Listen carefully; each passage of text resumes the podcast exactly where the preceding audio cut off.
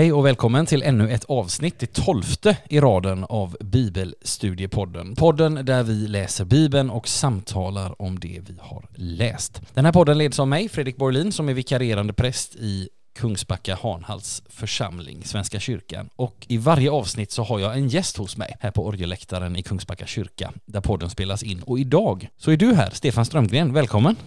Tack. Mår du bra? Ja. Ja, det känns bra att vara här. Ja, det Gott att höra. känns gott att vara i Guds hus. Ja, det är inte det sämsta man kan vara. Verkligen inte. Vill du berätta lite mer om dig själv?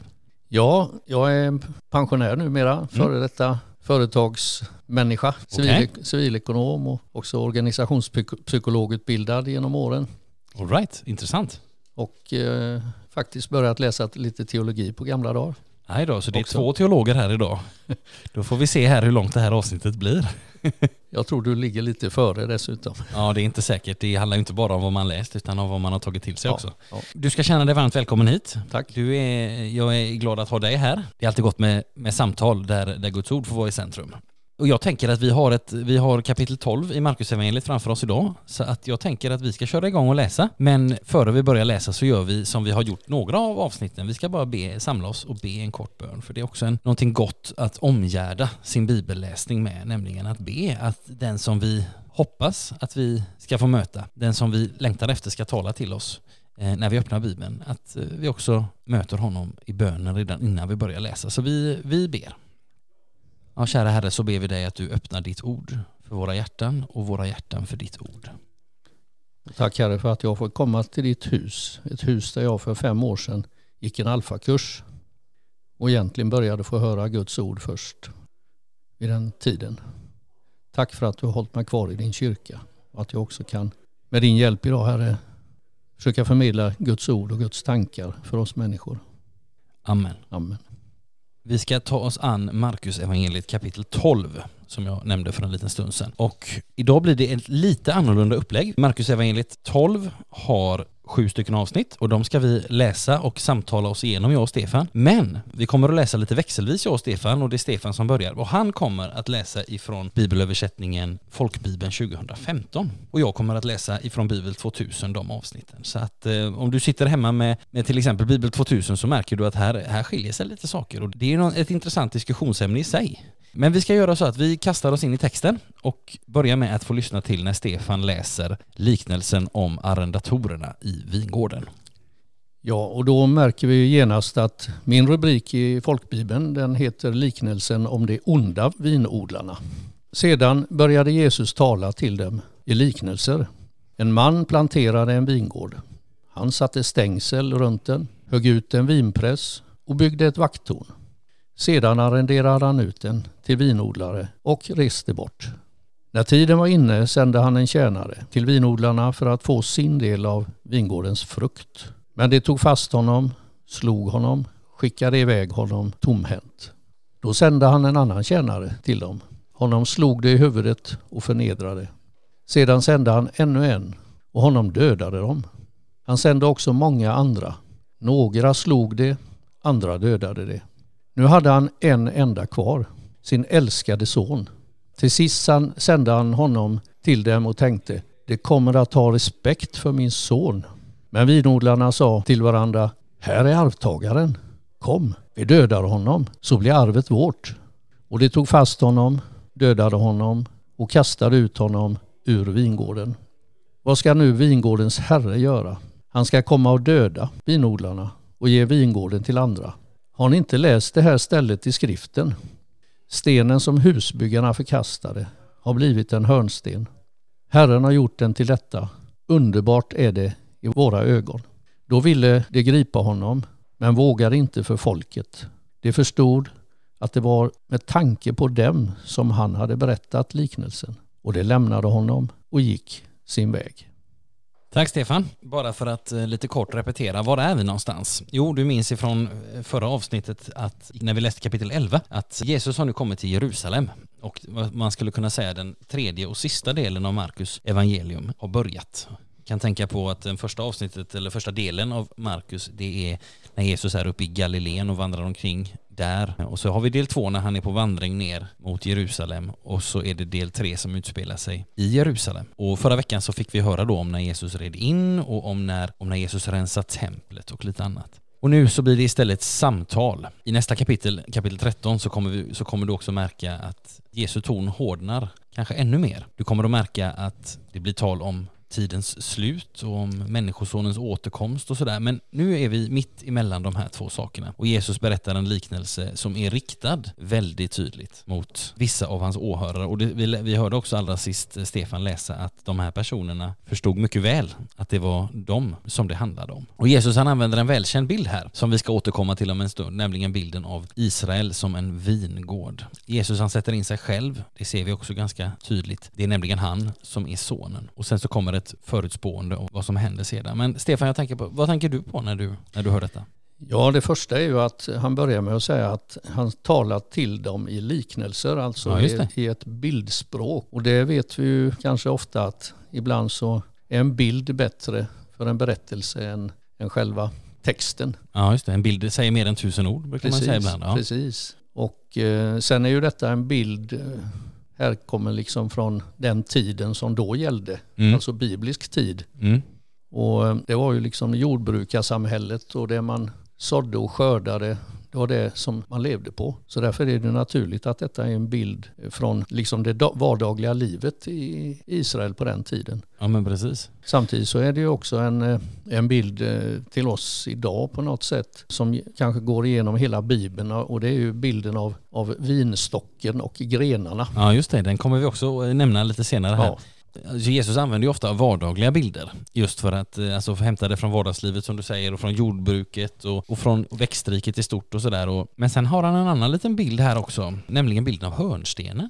Mm, det är ju spännande. Ja, den viktigaste stenen i ett hus. Jesus citerar Saltaren 118. Han är liksom hela tiden i dialog med Gamla Testamentet. Och sen så återkommer faktiskt det citatet ytterligare en gång i Apostlagärningarna 4 när Petrus vittnar inför Stora rådet så säger han Jesus är stenen som föraktades av er husbyggare men blev till en hörnsten. Ja, det är, det är också en sån här återkommande tanke i Bibeln, alltså inte bara hörnstenen utan hörnstenen som, som husbyggarna ratade, alltså någonting som an, vissa har valt bort har Gud gjort till någonting som står i centrum. Och då kan jag ju tänka på att hörnstenen, om den på något sätt rasar, mm. eller att man försöker ta bort en hörnsten, ja. då rasar hela bygget. Ja. Och det var kanske faktiskt vad det gjorde i den här vingården när, när allting kan man säga gick fel. Mm. Och man kan, man kan också tänka på, det är ju intressant det här att, att just vingården som en bild för, inte minst då för Israel, men jag tänker också att vi skulle kunna läsa den här liknelsen på ett annat plan, det vill säga att vingården kan också vara hela skapelsen. Det här kan också handla om förvaltarskap, även om den tolkningen kanske inte riktigt är lika omedelbar. Men just det här med, med hur vingården används som, som bild. Jag tänkte jag skulle bara säga några, några ord extra om det. För i avsnitt 6 av den här podden, det är några avsnitt sen, så fördjupade vi oss lite i symboliken kring bröd. Och vi såg att det är en mycket vanlig symbol i Bibeln och i att den här återkommer i Jesu person och i Jesu undervisning. Och vi pratade om det utifrån avsnittet där Jesus gör sitt bröd under och mättar 5000 personer med några, eller 5000 män står det väl till och med, med några bröd och några fiskar. Och så stöter vi på liknelsen om de onda vinodlarna eller arrendatorerna i vingården som det heter i min översättning och därför så ges ju oss ett bra tillfälle att fördjupa oss lite mer kring vin och den symbolik som finns kopplad till den. För i Gamla Testamentet, och det kan vi vara medvetna om när Jesus pratar och när han använder sådana här bilder, så, så kan vi tycka att de ligger långt ifrån vingårdar. Det finns inte många vingårdar i Sverige. Det finns avsevärt fler i Israel, men, men Jesus använder hela tiden bilder som är, inte bara går att relatera till på ett allmänt plan, det vill säga de flesta vet vad en vingård är, utan när han pratar om en vingård så förstår också människor och kan koppla detta till det som vi kallar gamla testamentet. Så de förstår liksom, de har en helt annan ingång än vad vi kan ha idag. I alla fall om vi inte har tittat lite närmare på Bibeln och läst vad som står där. Men i Gamla Testamentet så liknas Israel vid en vingård, men inte vilken vingård som helst, utan den vingård som Gud själv har planterat. I Jesaja 5 så finner vi sången om Herrens vingård. Det är en sång både om glädje och kärlek till en vingård men också om besvikelse. Guds besvikelse över att det inte går som han har tänkt. Det är väl ett sånt där odlingstips man kan ha. Det hörde jag någon gång när jag talade med någon som odlade mycket och så frågade jag om han hade något tips och då var tipset du kommer att bli besviken.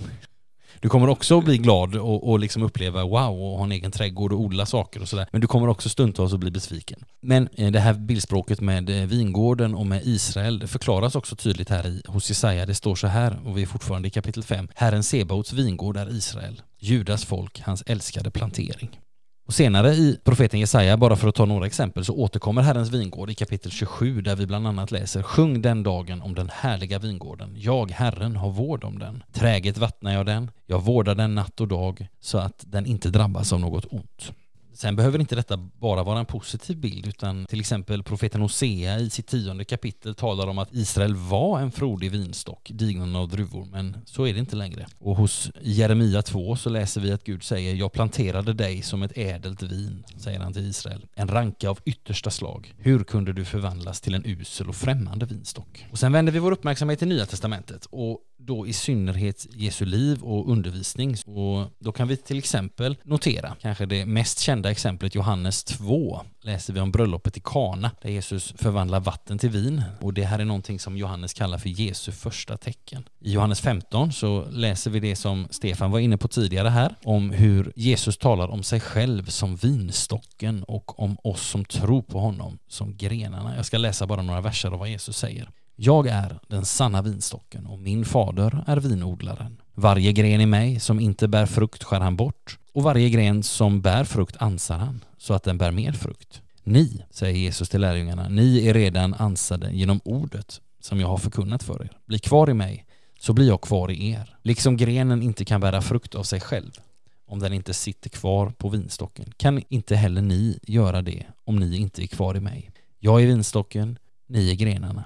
Om någon är kvar i mig och jag i honom bär han rik frukt.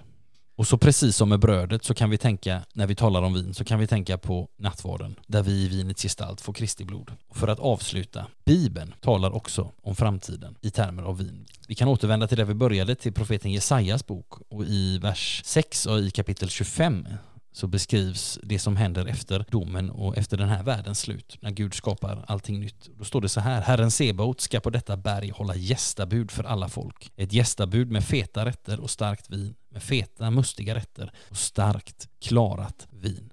Sen finns det ju en annan fråga kopplat till vin, nämligen konsumtionen av vin och vad Bibeln har att säga om det. Men det tror jag att vi spar till en annan gång och går tillbaka till Markus evangeliet. Men, men... Jag, jag kanske ändå kan flika in för Absolut, att, gärna Stefan. Med tanke på vinet och vi är för 2000 år tillbaka i tiden och vi är just nu kring Medelhavet. Mm. Och hela Medelhavet är ju en, ett område där vinet historiskt har varit väldigt eh, lättodlat och, ja. och, ett sätt att ta vara på en frukt som faktiskt är bibliskt också. Men eh, först var det ju grekiskt eh, styre runt Medelhavet, sen kom romarna och sen kom kristendomen. Och, mm. och jag menar det, det är flera tusen år mm. och även under Israels gammaltestamentliga tid som vinet har varit eh, liksom en, en, en viktig symbol för en god skörd. Så ja. att då, och så vill jag kanske koppla till dagens Sverige då, vi som, vi som under gudstjänsten är lite försiktiga. Ja, vi har alkoholfritt och vi har det ena och det andra men samtidigt så är det ju en kulturell förskjutning uppe i Norden där vi, som du säger, vi har aldrig odlat vin. Nej, nej precis. Det finns väl några vingårdar i Sverige nu men, men symboliken kring vinet eh, mm. kan ibland,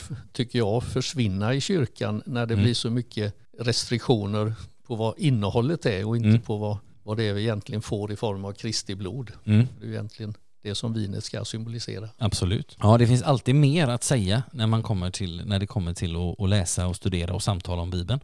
Ska vi göra så att vi, vi gör så att vi går vidare? Mm. För om avsnittet som, som vi precis läste och samtalade om hakade liksom i det som vi har läst i kapitel 11 så fortsätter samtalet i nästa avsnitt som i min bibelöversättning har överskriften Frågan om skatt till kejsaren. Jag läser. Sedan skickade de till honom några fariseer och Herodes anhängare som skulle snärja honom med frågor. De kom och sade till honom, Mästare, vi vet att du är uppriktig. Du faller inte undan för någon och ser inte till personen, utan lär oss verkligen Guds väg. Är det rätt eller inte att betala skatt till kejsaren? Skall vi eller ska vi inte göra det? Men han förstod att de hycklade och svarade, varför vill ni sätta mig på prov? Ta hit en denar och låt mig se på den. De räckte fram en och han frågade Vems bild och namn är detta?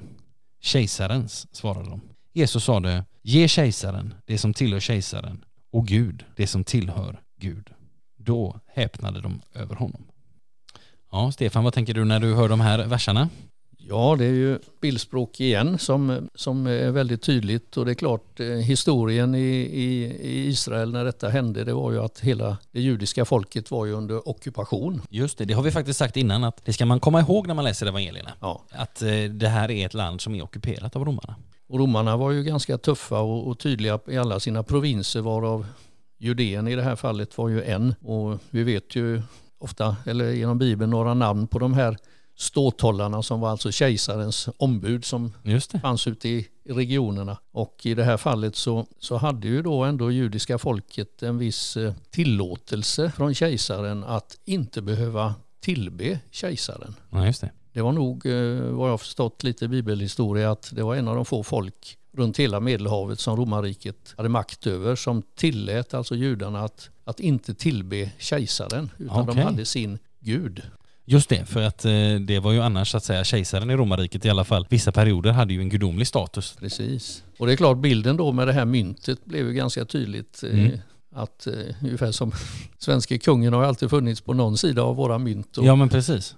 Det är en tradition som faktiskt kommer säkert från historien också. Men att eh, den som ger ut myntet och den som äger myntet, det var alltså kejsaren för ja. det var hans bild på. Precis, och att man betalade den här skatten innebar ju i någon mån att man, att man erkände Roms överhöghet kan man säga på något sätt. Ja. Och vad vi vet om de här, det finns ju olika rörelser. Det är fariseer och det är skriftlärda och det är saddukeer som vi kommer komma in på om en liten stund. Och de här hade ju lite olika sätt. De hade lite olika politik kan man säga. Ungefär som att eh, olika politiska partier i Sverige kan tycka olika i en viss fråga så tyckte de här olika judiska grupperna eller partierna de tyckte olika i den här frågan. Seloterna som vi har nämnt helt kort i kapitel 3, alltså en nationalistisk upprorsrörelse kopplat till, ja vi talade om det i samband med den här Simon Kananaios, en av lärjungarna. Den gruppen, seloterna, de, de ansåg att betala skatt till kejsaren, det var ett svek mot Israels gud. Men till exempel fa, både fariseer och Sadduker accepterade den här situationen och, och föredrog en mjukare väg för att ändå så att säga leva under viss frihet om än under ockupation så att säga. Samtidigt så är ju Jesus svar helt fantastiskt ja. och det, det förstod ju även till och med fariseerna, eller saddukeerna här, de tystnade ja. och gick därifrån ja. på något sätt. Att okej, okay, den världsliga delen, det, det representerar myntet, men den gudomliga delen, alltså ge Gud det som tillhör Gud. Han, han, han råder över storheten och skapelsen. Så att eh, samtidigt är det väl också ett tecken på att vi, vi som kristna människor också ska acceptera liksom de lagar, mm. världsliga lagar och förordningar som gäller mm.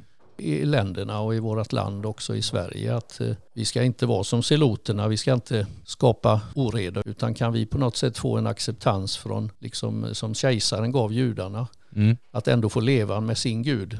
Mm. så är det väl vårt uppdrag som kristna också att, att göra rätt för oss men ändå bli accepterade. Att vi också har en gudomlighet som är större än både kungen och kejsaren. Och jag tänker också, tittar man framåt sen så kan man till exempel läsa Romarbrevet 13 om man vill ha en utläggning av Paulus kring det här att just underordna sig överheten. Och Luther har skrivit mycket om detta också.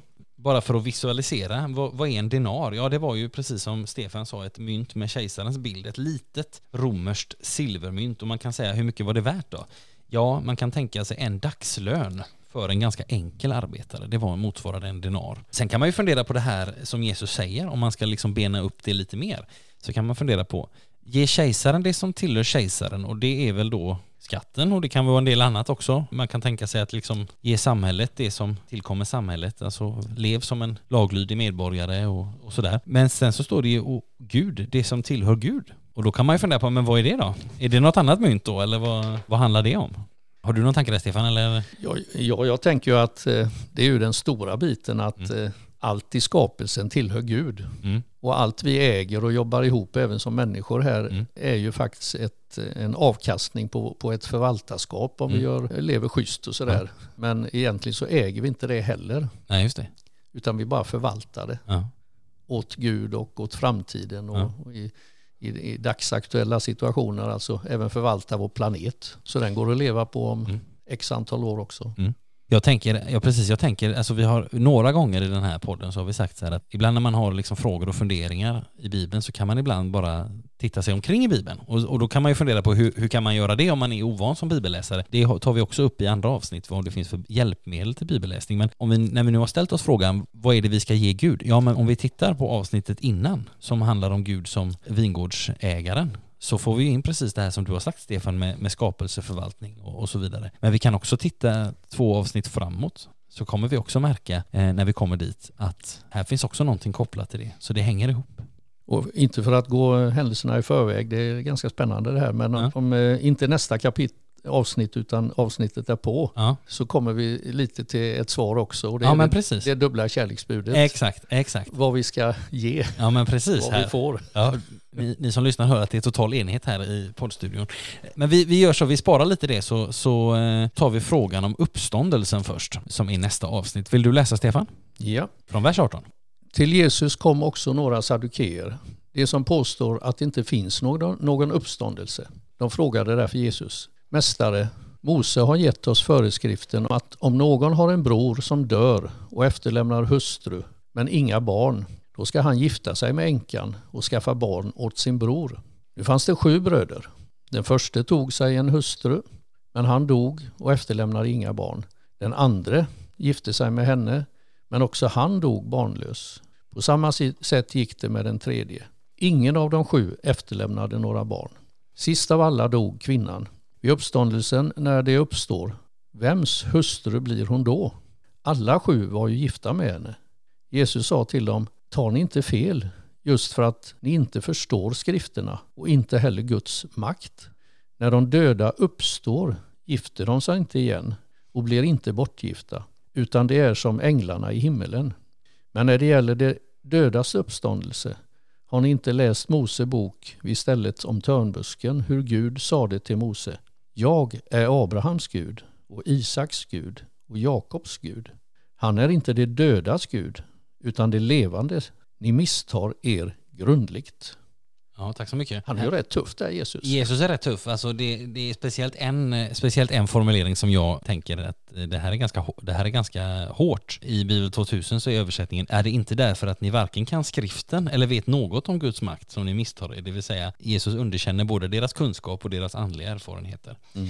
Och det är intressant, vi, vi ska alldeles strax gå, dyka ner lite mer i vilka de här sadukéerna är. Men det här samtalet som vi ska försöka bena ut först börjar i någonting ifrån Mose lag. Det här att sadukéerna säger att Mose lär oss i skriften att om någon har en bror som dör och lämnar efter sig sin hustru och så vidare och så vidare. Och det, det är mycket riktigt ifrån från Mose lag. Det är femte Mosebok 25.5 och framåt. Och sen så svarar Jesus på det också med ett ord ifrån Moseböckerna och det här är lite intressant. Eller det här är lite viktigt, nämligen stället om törnbusken, alltså det är alltså stället om den brinnande busken, andra Mosebok kapitel 3, där Gud säger jag är Abrahams Gud och Isaks Gud och Jakobs Gud. Och Gud är inte en Gud för de döda, utan för de levande. Och vad betyder då det? Jo, det vill säga, vi får höra ifrån Lukas 20, nämligen att för Gud är alla levande. Därmed uppståndna. Därmed uppståndna. Som saddukeerna tvivlade på. Exakt. Och det är, lite, det är två nyckelord för att förstå lite mer om saddukeerna. Det är dels uppståndelsen som Stefan nämnde och sen är det också Mose. För det är, så jag tänkte vi kan bara, vi kan bara dyka ner just i, i vilka saddukeerna är. Tidigare så har vi lärt känna de skriftlärda och vi har lärt känna fariseerna lite bättre. Det var ett ganska många avsnitt sen och vi har stött på Herodesanhängarna, eller Herodianerna som de kallas. Så finns det ännu en grupp som Jesus möter och som han samtalar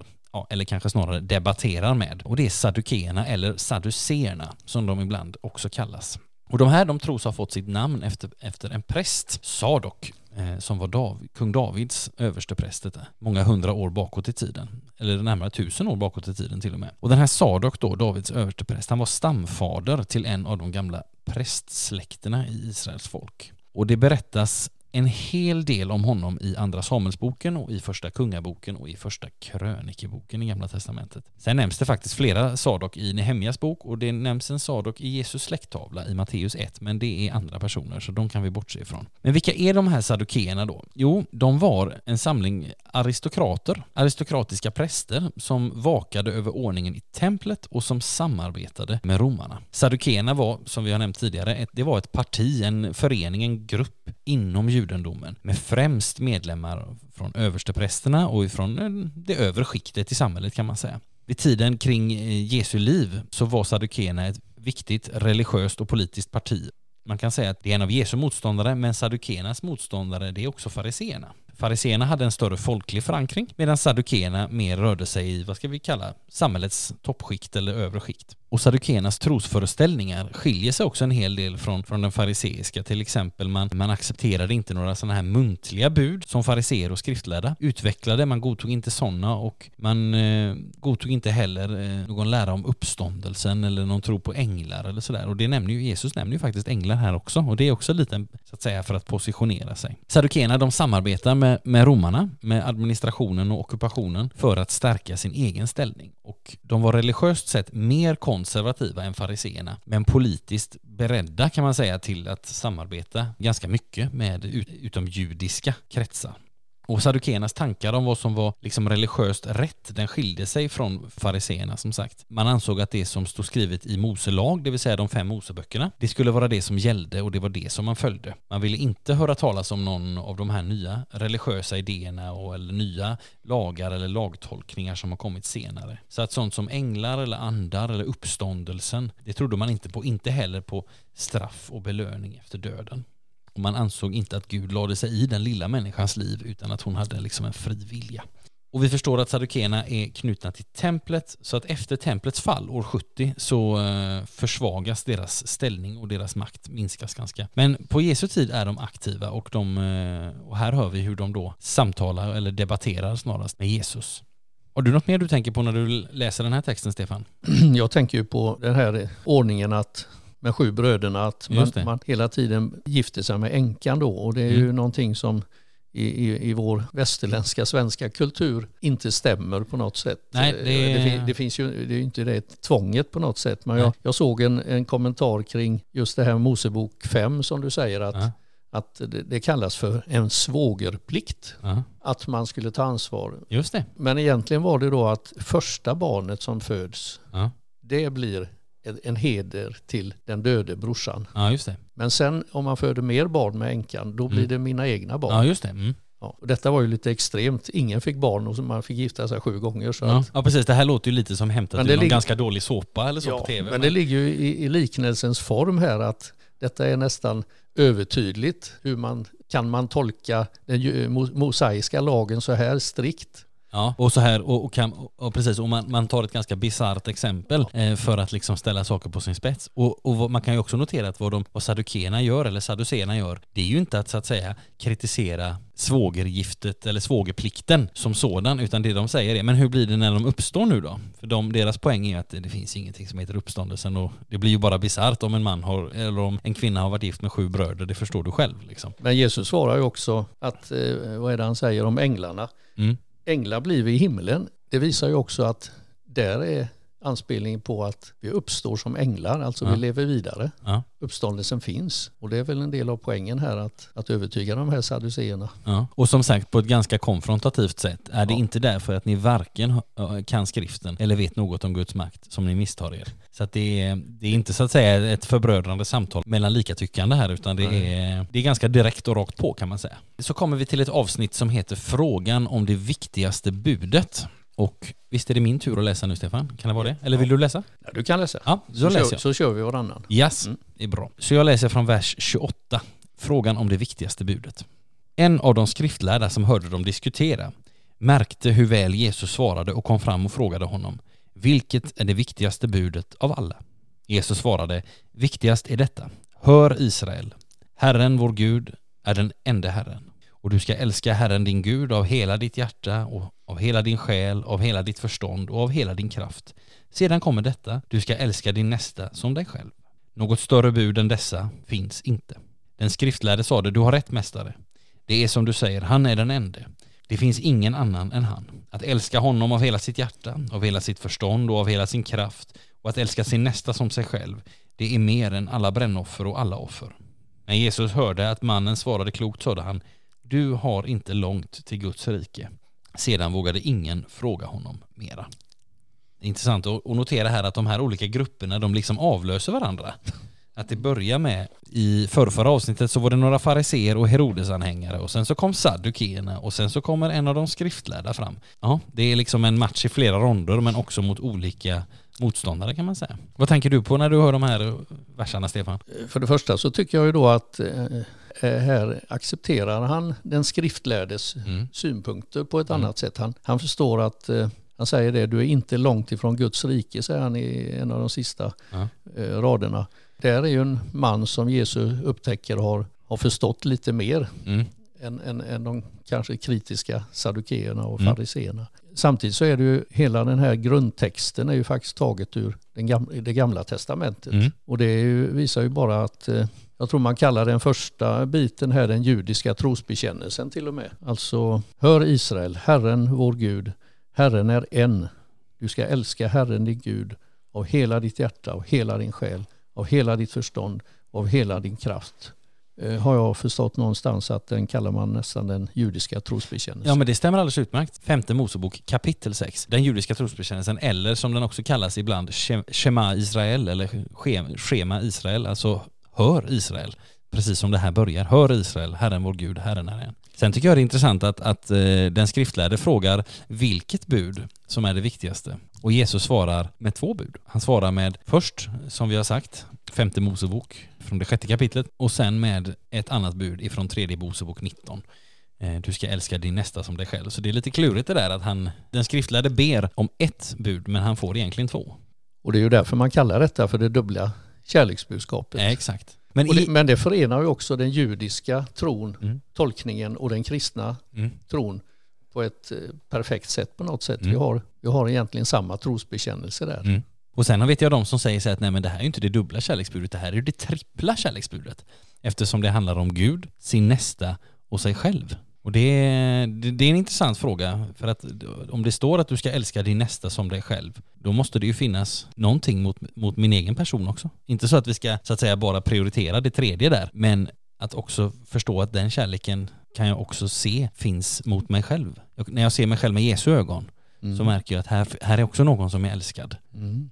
Sen är det någonting annat än egenkärlek. Precis. Jag hörde han Sebastian Staxet eh, ja. och han berättade ju om, om hans mörka, mörka bakgrund. Mm. Och han sa att när jag var som värst i livet så var det det kärleksbudskapet fast omvänt. Mm. Så mycket jag hatar mig själv hatar jag också min nästa. Ja. Och så sen när han kom till tro och fick, eh, så sa han, jag vände på hela kuttingen så att säga. Mm. Det är ju en... Nu ska jag eh, älska min nästa som jag älskar mig själv. Ja. Men han kunde inte älska sig själv i den, i den tiden. Och det är nog allmängiltigt idag. Det är så många som säkert tvivlar på sin förmåga och, och tycker om sig själva. Och då är det nog mänskligt sett inte så lätt att älska sig själv Nej. heller. Och eh, älska andra också. Nej men precis, och det här handlar ju inte om egen kärlek utan att, så att säga, jag kommer i kontakt med den kärleken som Gud har till mig och kan liksom stämma in i den. Att jag är en skapad och älskad varelse med en kallelse från Gud och med en kärlek från Gud. Att det är liksom där och det är någonting som vi sa, någonting annat än att slå sig själv för bröstet och tycka att den mest förträffliga människan man kan träffa det är när man ser en spegel. Sen är det intressant att du nämner Sebastian Staxet. Det ska vi ge en, om man ska ge lite eh, läsningstips, förutom Bibeln som ju ändå står i centrum i den här podcasten, så skulle det kunna vara till exempel eh, Sebastian Staxets bok Bara ljuset kan övervinna mörkret. Har du läst den Stefan? Jajamensan. Ja, samma här. Den är ju, jag sträckläste den. Jag sträckläser sällan böcker, men den sträckläste jag. Häftigt att se hur Gud använder precis vem han vill. För att summera vår läsning så här långt så kan man säga att upp till den här punkten så har Jesus fått frågor ifrån olika håll och, och du, minns, du minns vilka de här är. Det är saddukeer och det är skriftlärda och det är fariseer. Och de har kommit till honom med frågor men nu vänder vi lite på kuttingen för att återanvända Stefans eh, uttryck. Nu är det nämligen Jesus som frågar och han verkar ha lite samma ärende, nämligen han vill sätta sina meningsmotståndare på prov. Vi har sett detta innan i kapitel 11 när det handlar om Johannes döparen och vem han var, men, men nu kommer det igen. Så att jag ber dig läsa Stefan, det som i alla fall i min bibel har överskriften är Messias, Davids son. Där sammanfaller våra översättningar. Medan Jesus undervisade i templet frågade han Hur kan det skriftlärda säga att Messias är Davids son? David har ju själv sagt genom den helige ande Herren sade till min herre Sätt dig på min högra sida tills jag lagt dina fiender under dina fötter. David kallar själv honom herre. Hur kan han då vara Davids son? Det här är ett avsnitt som jag tycker är lite krångligt, måste jag säga. Vad, vad tänker du om dessa verser, Stefan? Ja, bara lösryckt ur sitt sammanhang så är det kanske lite svårt att förstå. Samtidigt som vet vi ju på något sätt hela profetian och hela vårt julevangelium eh, mm. bygger på att, att det är Davids son som, ja. som nu föds. Exakt. Så vi som kristna eh, också i, i Nya Testamentet är väl ganska marinerade med att att det, den obrutna släktledet till David eh, finns där. Hosianna Davids son, precis. Ja. Och det här, jag tycker det är intressant här, för det här, vi är ju mitt inne i en ganska teknisk diskussion nu mellan Jesus och hans meningsmotståndare när man har behandlat väldigt centrala saker. Vi har pratat om uppståndelsen, vi har pratat om skatt till kejsaren, vi har pratat om vilket som är det viktigaste budet och nu kommer en fråga som handlar om Messias, om Davids son och vilka förväntningar som fanns på honom. Och vad man kan vara medveten här att det här citatet som finns, det är från Saltaren 110. Och där är det kung David då precis, alltså samma David, som profeterar och som erkänner den kommande frälsaren, det vill säga den som vi tänker är Jesus. Eh, han bekänner honom som sin herre, trots att ju denne är en ättling till honom i nedstigande led och då var det inte så normalt att man kallade sina barn eller barnbarn eller tio led ner för herre. Men ändå kallar David sin ättling långt, långt senare för herre och det måste betyda att det här, så uppfattar jag det i alla fall, Jesus vill visa att Messias är någonting mer. För att den här, att den här versen handlade om Messias, det var nog alla som diskuterade detta på den här tiden ganska överens om. Men frågan är om Messias inte är någonting mer nämligen Guds son. Och det, jag tror att det är på något sätt det som Jesus vill få fram här. Eftersom David kallar sin ättling, flera massvis av led ner, för herre, så måste han liksom vara för mer än David. Men det här är, det här är inte, det här är, jag tycker själv att den här är klurig alltså. Ja, och det, det är klart, ordet Messias är ju, är ju kanske nyckelordet här för mm. judarna, mm. för att som du säger så väntar de ju fortfarande på sin Messias. Ja.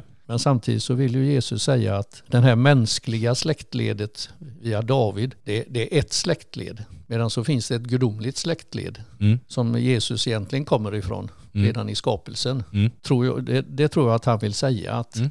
att jag härstammar också från skapelsens ursprung och därmed kommer jag från Gud. Mm. Men, och, eh, därför kan, och det förstår David när han kallar Messias, när han kallar denne för sin herre.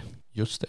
Mm. Sen kan vi påminna oss om en sak till, nämligen någonting som vi har sett innan att det här ordet som vi läser nu har ett citat bakåt till Saltaren 110, men det finns också en koppling framåt för i Apostlagärningarna 2 så tar Petrus upp detta i sin pingstpredikan. Så att eh, ord återkommer och blir som liksom röda trådar och när vi ser det och det kan vi, där har vi god hjälp av notapparat och, och parallellhänvisningar i våra biblar om vi har sådana. Men då kan det vara, det är också ett sätt att upptäcka bibeln att se vilka andra ord hänger det här ordet ihop med.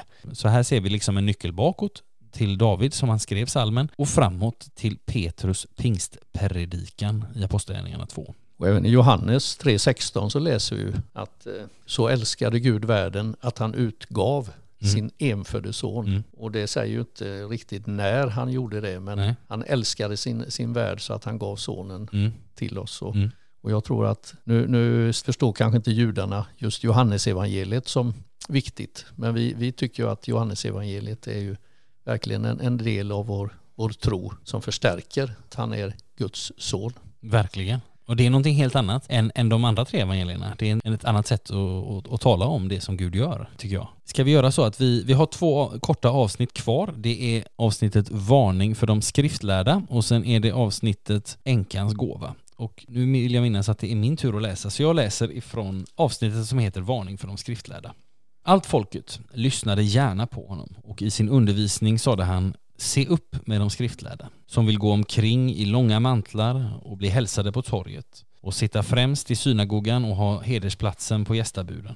De äter änkorna ur huset och ber långa böner för syns skull. Så mycket hårdare blir den dom de får. Återigen är det konfrontation. Jag funderade på en, en sak som jag funderade på är om Jesus menar, och det här skulle vi kanske kunna gräva fram ur den grekiska grundtexten, men om vi läser Se upp med de skriftlärda som vill gå omkring eller menar Jesus se upp med de skriftlärda som vill gå omkring? Det vill säga, handlar det om alla skriftlärda här eller handlar det just om en viss grupp av skriftlärda som vill gå omkring i långa mantlar och bli hälsade på torget? Det skulle ju vara ett förmildrande sätt att läsa det, det vill säga att det är inte alla som är så här, för det är ju inte direkt en sympatisk bild som dyker upp här. Nej, men det är kanske den här bilden som har förstärkt bilden av fariseer, att man jobbar mer med de yttre attributen. Mm hur man för sig, hur man klär sig, hur Mm. man ber och, Mm. och hur, hur, hur man gör det synligt för människor, kanske för att få beröm eller uppskattning. Medan Jesus menar ju precis tvärtom. Mm. Det är din inre människa Ja. som, som talar Mm. på rätt sätt. Ja men Faktiskt. precis. Vi var inne på detta när vi pratade om fariseerna just att det är många bibelläsare som tänker på dem som ett gäng hycklare. Men att i dåtidens Israel så var det en mycket respekterad rörelse och också fick vi höra här idag också folklig. Om man jämför med, med saddukeerna, det tänker vi inte på, men, men fariseerna var alltså mer av en folkrörelse än, än saddukeerna som var mer av, tillhörde en, liksom en liten elit sådär. Jag, jag tänker när jag läser de här verserna, det är, det är kritik liksom, så det, det kan man inte, man kan inte spela bort de korten. Men jag tänker så här, det är faktiskt kritik mot hur de lever och inte mot hur de lär. För vi har haft ett antal diskussioner eh, mellan Jesus och andra tidigare i det här avsnittet eh, och då har det ju handlat om lära mycket på olika sätt. Men nu handlar det ju faktiskt mera om liv och hur man, hur man lever sitt liv så att säga. Så här, vi är kvar i en diskussion men vi har liksom ändrat färgen eller ändrat tonen så tillvida att nu handlar det ju, nu kritiserar inte Jesus de skriftlärda för att de tycker, anser eller tror eller lär på ett visst sätt utan nu handlar det om att de lever på ett sätt som inte kan kallas sympatiskt. Mm. Och jag kan tänka också att Jesus menar här att eh, vi ska nog vara vaksamma på, nu kan, kan man ju inte gradera synder, men jag Ja. tror ändå att, att det finns en skillnad mellan medvetna synder, att man gör någonting medvetet, Ja. än om man gör en synd omedvetet. Mm. Och han vill ju egentligen med det här säga att fariseerna de går och äter änkorna ur huset. Det, det är ju en ganska tuff bild att de ser verkligen inte till de svaga. För änk, änkorna representerar nog de svaga i det här sammanhanget, i den här bilden. Och det gör de medvetet. Och det är nästan värre än, än, än att eh, göra lite fel ibland omedvetet som kristen. Ja absolut, här, här handlar, när Jesus talar om det här så handlar det ju, verkar det ju handla om så att säga väldigt, eh, att man är medveten om vad man gör så att säga, och att det verkar vara en livsföring av att man vill, man vill gå omkring och man vill bli hälsad på torgen, man vill liksom sitta längst fram och ha bästa platsen och, och eh, man, man är, låter gärna sig väl smaka även om det är en stackars änka som, som man har tagit in hos. Och jag tänker det finns ju, om, om man går till Saltaren så finns det ju många ställen som, som handlar om att den som har skrivit salmen, ofta David, ber om förlåtelse på olika sätt. Men det finns mig veterligen bara en psalm där, där David säger befria mig från synder jag inte vet om. Och det är också intressant att tänka på. Ska vi gå vidare? Ta den sista, som i min bibel heter Änkans gåva. Vad heter den hos dig Stefan? Ja, den heter Änkans offergåva. Mm. Så då är vi i vers 41. Jesus satte sig mitt emot offerkistan och såg hur folket lade pengar i den. Många rika gav mycket. Där kom också en fattig änka och lade i två små kopparmynt, ett par ören. Då kallade han till sig sina lärjungar och sa till dem, jag säger er sanningen, den här fattiga änkan gav mer än alla de andra som lade något i offerkistan. Alla andra gav av sitt överflöd, men hon gav i sin fattigdom allt som hon hade att leva på. Vad tänker du på när du läser det här, Stefan? Ja, jag säger nästan amen. Mm. Att det, det är ju en bild som är väldigt stor och det är ju också en bild av, och det är verkligen en utmaning till oss i vår Mm. tid. Att eh, vad är vi villiga att offra? Mm. Och det är klart, vi lever i en värld och ett samhälle med, med vi kan väl säga överflöd normalt sett. Verkligen. Och här kommer då änkan, hon representerar alla fattiga. Hon ger egentligen allt. Mm. Och bilden är vad hon ger, det är ju inte mynten egentligen utan hon ger sitt liv till Jesus, till Mm. Gud. Mm. Så det är verkligen en, också en utmaning för oss. Hur mycket är vi villiga att ge vårt liv till Gud? Ja, ja, precis. För det här behöver inte bara handla om ekonomi och pengar, även om jag tänker att eh, inte minst det kan vi utmanas på, på den fronten, verkligen. Men jag tänker också att det handlar också om hur mycket av mitt liv, som du säger Stefan, är jag, är jag villig att ge. Och i omvänd bemärkelse, eftersom han har gav allt för oss, så att säga. Jesus gav sitt liv för oss. Det är andra gången i det här kapitlet som vi möter på en typ av pengar. Förut så var det en dinar, alltså en dagslön. Och nu så får vi höra om att det är två kopparslantar som hon eh, ger där. Och hur mycket, alltså några ören förklarar Markus för oss. Och vad är en kopparslant? Ja, det är ett grekiskt mynt som heter lepton. Och det är en 128-dels dinar. Så att, ehm, ja, hur ska man jämföra? Om en dinar är en dagslön och en, en dag jobbade man kanske 10-12 timmar så är det här alltså arbete i 12 minuter eller någonting då. De här två kopparslantarna. Det är väldigt lite pengar. Så att en dagslön idag, vet jag inte, men säg 2000 kronor Ja, kanske. och en, en, en sån här kopparmynt då är, är kanske Mm. 20 kronor.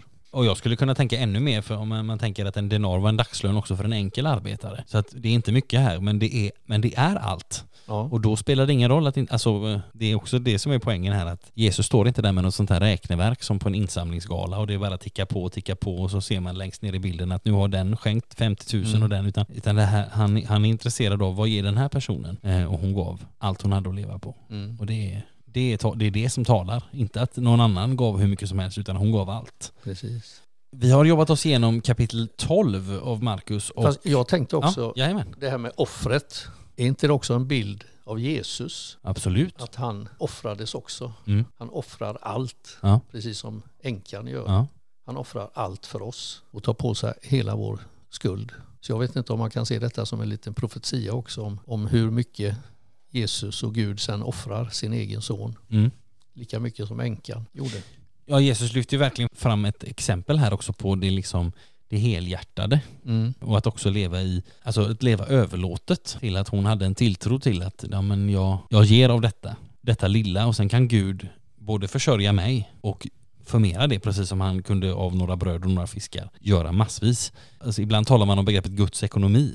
Liksom att eh, ekonomi kan vara väldigt logiskt och, och det är inkomster och utgifter och man har en budget och sådär. Men Guds ekonomi den är, den är inte alltid logisk men den är fortfarande Guds. Mm. Vi har jobbat oss igenom Markus evangeliet kapitel 12 och vi har, no- men vi har några sådana här andra frågor kvar. Stefan, du hade med dig några frågor hit idag och sen har vi också några sådana här allmänna funderingar eh, som vi brukar ha kopplade till Bibeln. Men, men jag tänkte på de här frågorna som du skickade, kan vi inte bara kan vi inte ta dem nu? Ja, jag skickade ju till dig Fredrik några reflektioner då. Ja.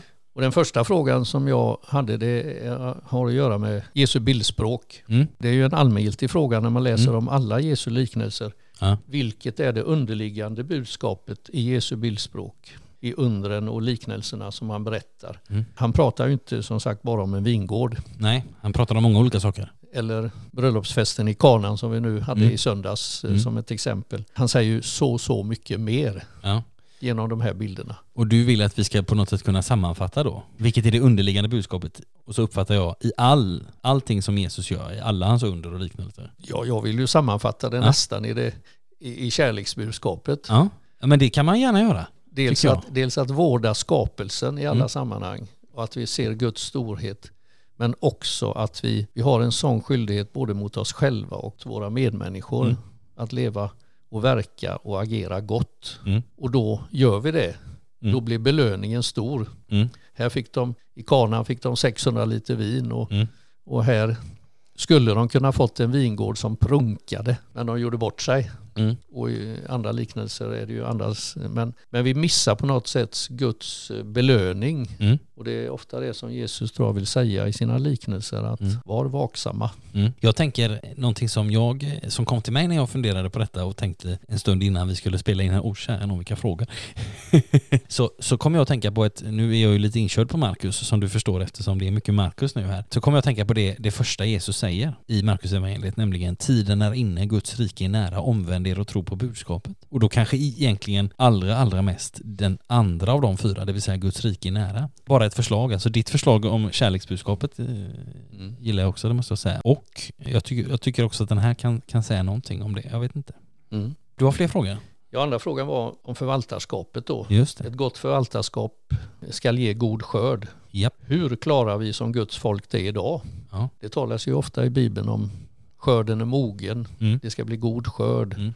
arbetarna är få. Ja. Och det är ju lite vår missionsbefallning som ligger i vårt uppdrag på något Mm. sätt. Att både att vi ska förvalta planeten i ett gott förvaltarskap men också att vi har en, en skyldighet att förvalta Guds ord, att sprida det vidare Mm. till ja, hedningarna som det står i Bibeln. Och Mm. I dagens Sverige Mm. Alla sekulära människor som borde kunna få höra och ta till sig Guds eh, budskap i sitt hjärta Mm. och sin längtan på något sätt. Så att, eh, ja, det är ju inte deras fel nej, att de inte hört om Jesus. nej, Det är ju vårat fel. det är vårt fel. Det är vårt uppdrag. Vi förvaltar alltså Vigården lite halvdåligt. Ja, abs- ja, absolut. Jag tänker på det som du sa, hur, klarar vi det? Och så nämnde du själv det som skulle bli mitt svar, eller halva mitt svar, nämligen det som Jesus säger i, eh, Lukas 10. Skörden är stor men arbetarna är få. Det här är ju lite lägesbeskrivningen. Och sen kommer ju lösningen. Det är därför skördens herre att han sänder ut arbetare till sin skörd. Och då kan man tänka, tror jag, är skördens herre att han sänder ut. Alltså Skörden är stor, arbetarna är få. Och sen säger inte Jesus, be därför skördens herre att han sänder ut, alltså han sänder ut arbetare. Alltså det kan lika gärna vara de arbetare som är få, men att Gud sänder ut dem. Sen, sen kan, vi, eh, kan man också tänka att, men att man sänder ut, att, att det ska bli fler arbetare. Men man behöver inte tänka att nu ber jag att Gud sänder ut alla andra så sitter jag här hemma. Utan det, det, inkluderar alltid mig själv. Det fanns en, en person ja. som inspirerade mig en gång till att be så här. Be om väckelse och förnyelse över, och det kan ju vara över Sverige eller över världen eller över Kungsbacka torg eller alltså du förstår så va. Och sen så la han alltid till och börja med mig. Det vill mm. säga det är inte an, bara andra som ska komma under Guds, liksom i, i Guds närhet utan också mig själv. Mm. Sen, sen kan man komma ihåg när, när Jesus säger det här i Lukas 10 att vilka säger han det till? Jo han säger inte det till de tolv utan han säger det till de 72. Alltså den här större lärjungakretsen som jag tror bara Lukas omnämner.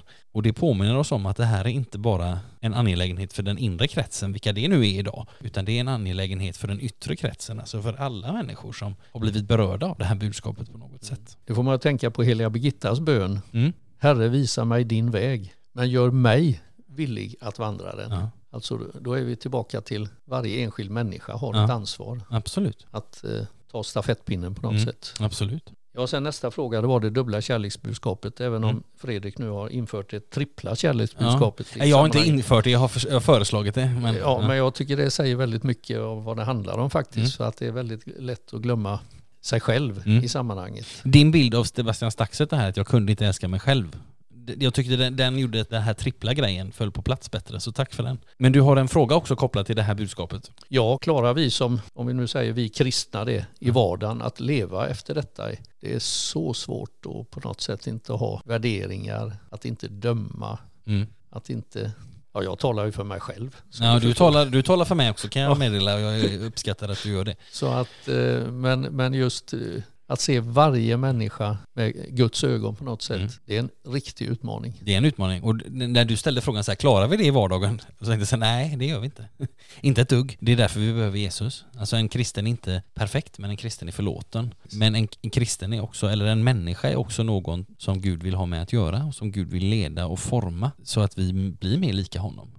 Men det är, jag håller med dig, det är i, i vardagen, det är en jätteutmaning. Och eh, nu har vi läst om, om hur Jesus varnar för de skriftlärda och frågan är om inte han hade kunnat ta upp mig ibland också. När han sa det, varning för Fredrik, för han är inte den bästa, alltså förstår du vad jag menar? Mm. Så att det, och där, där är vi hela tiden, ja men där är vi hela tiden i en pendelrörelse. Vi är inte perfekta men vi är förlåtna och den förlåtelsen gäller alla. Ja. Jag kan också tänka idag att en del uppfattning om kristendomen, den, den är så snäll. Mm. Man är bara hygglig och, mm. och den är så god. Och, mm. Men samtidigt så är, är, den ju, från Jesus sida är den väldigt tuff.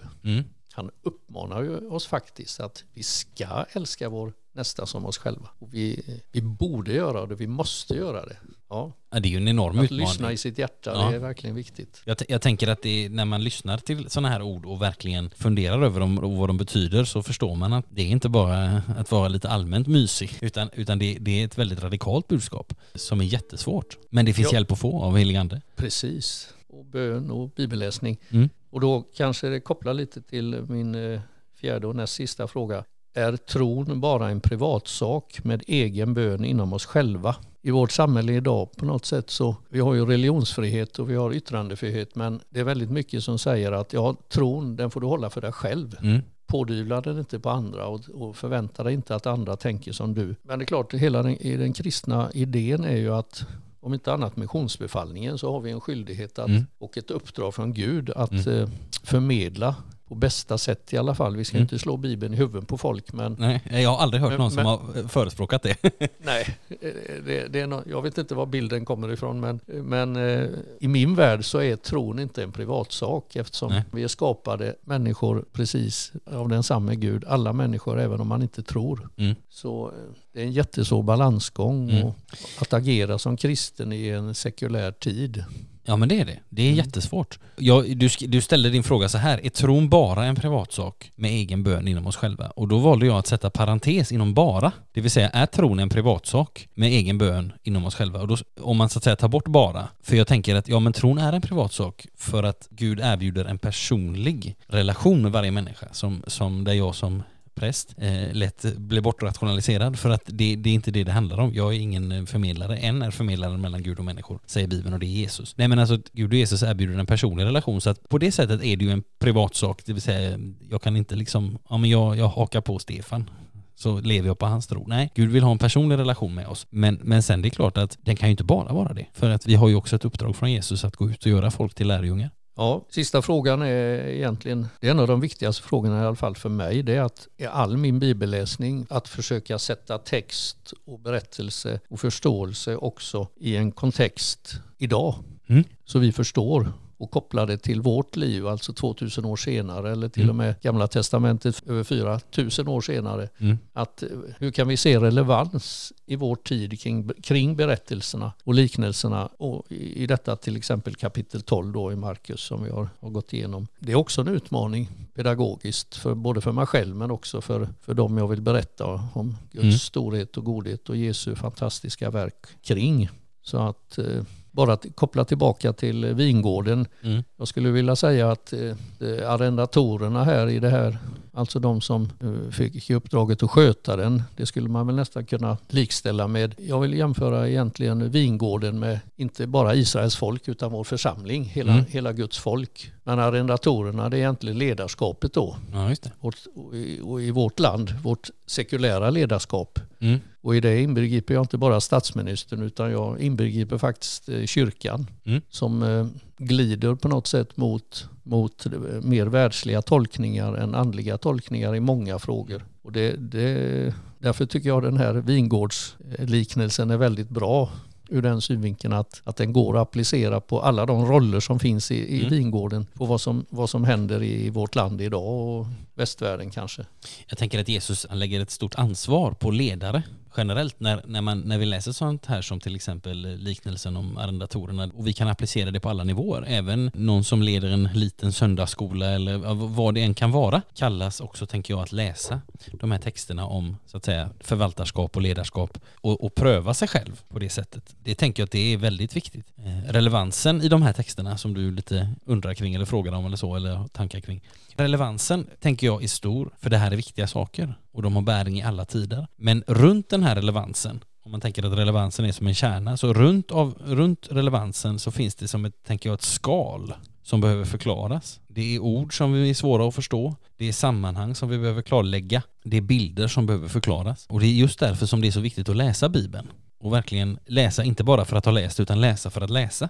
För att se vad, vad behöver jag förstå mer av? Vilka sammanhang behöver jag sätta in det här i? Så att det här liksom skalet plockas bort. Så att man kan säga att om en liknelsen om vingården, det, det kanske idag hade talats på ett annat sätt, men vi förstår att när Jesus använder vingården så betyder inte det att nej men vi i Sverige, vi har inga vingårdar så vi behöver inte bry oss om det. Nej, hade Jesus varit i Sverige idag så hade han tagit en liknelse som vi hade förstått direkt. Och därför, eftersom det ligger liksom ett skal runt av saker Mm. vi behöver förstå, det är därför det är så viktigt att läsa Bibeln.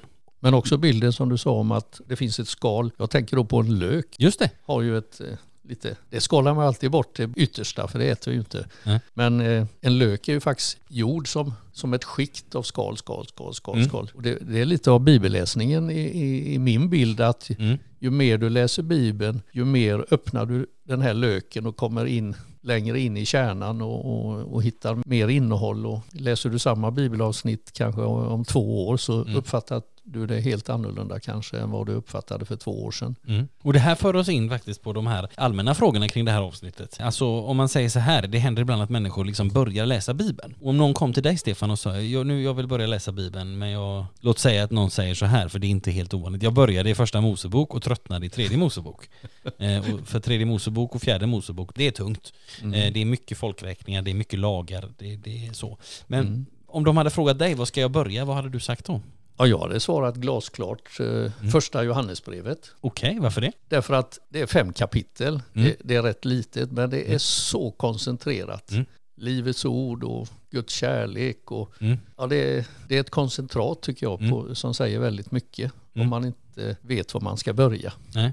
Eh, Hur, lång tid skulle du uppskatta att det tar att läsa första Johannesbrevet? Jag bara läser du igenom det så gör du det på en kvart, Ja. tio Där minuter. har ni som lyssnar. Det Ja. tar en kvart, tio minuter. Inte, ja. Kanske lite längre om du läser långsamt. Och i och med att det, det är ett brev som då Johannes, aposteln Johannes har skrivit, eh, som var Jesu, Jesu lärjunge, Mm. som också har skrivit Johannesevangeliet. Så då är min följd att när du har läst första Johannesbrevet det finns i för två och tre, men de är så korta, de säger inte så mycket kring grundtron, utan börja sen på Johannesevangeliet. Ja. För Johannesevangeliet börjar igen ungefär som med första Mosebok, med skapelsen. Just det. Så du kan få hela liksom, gamla testamentet i ett koncentrat i Johannesevangeliet. Ja, just det. Så första Johannesbrevet Mm. och Johannesevangeliet, det, det är mina tips. Det där är riktigt bra. Följ Stefans råd. Gå på första Johannesbrevet, läs där och, då, och sen öppnar du Johannesevangeliet och då kommer du känna igen dig också språkligt. För det är, man märker att det är samma person som har skrivit när man läser de här båda bibelböckerna. Och när du läser, nu kan du tänka, men jag har ju redan fått lyssna till Markus. Ja, men Markus och Johannes kompletterar vartannat. Har du något favoritbibelställe Stefan?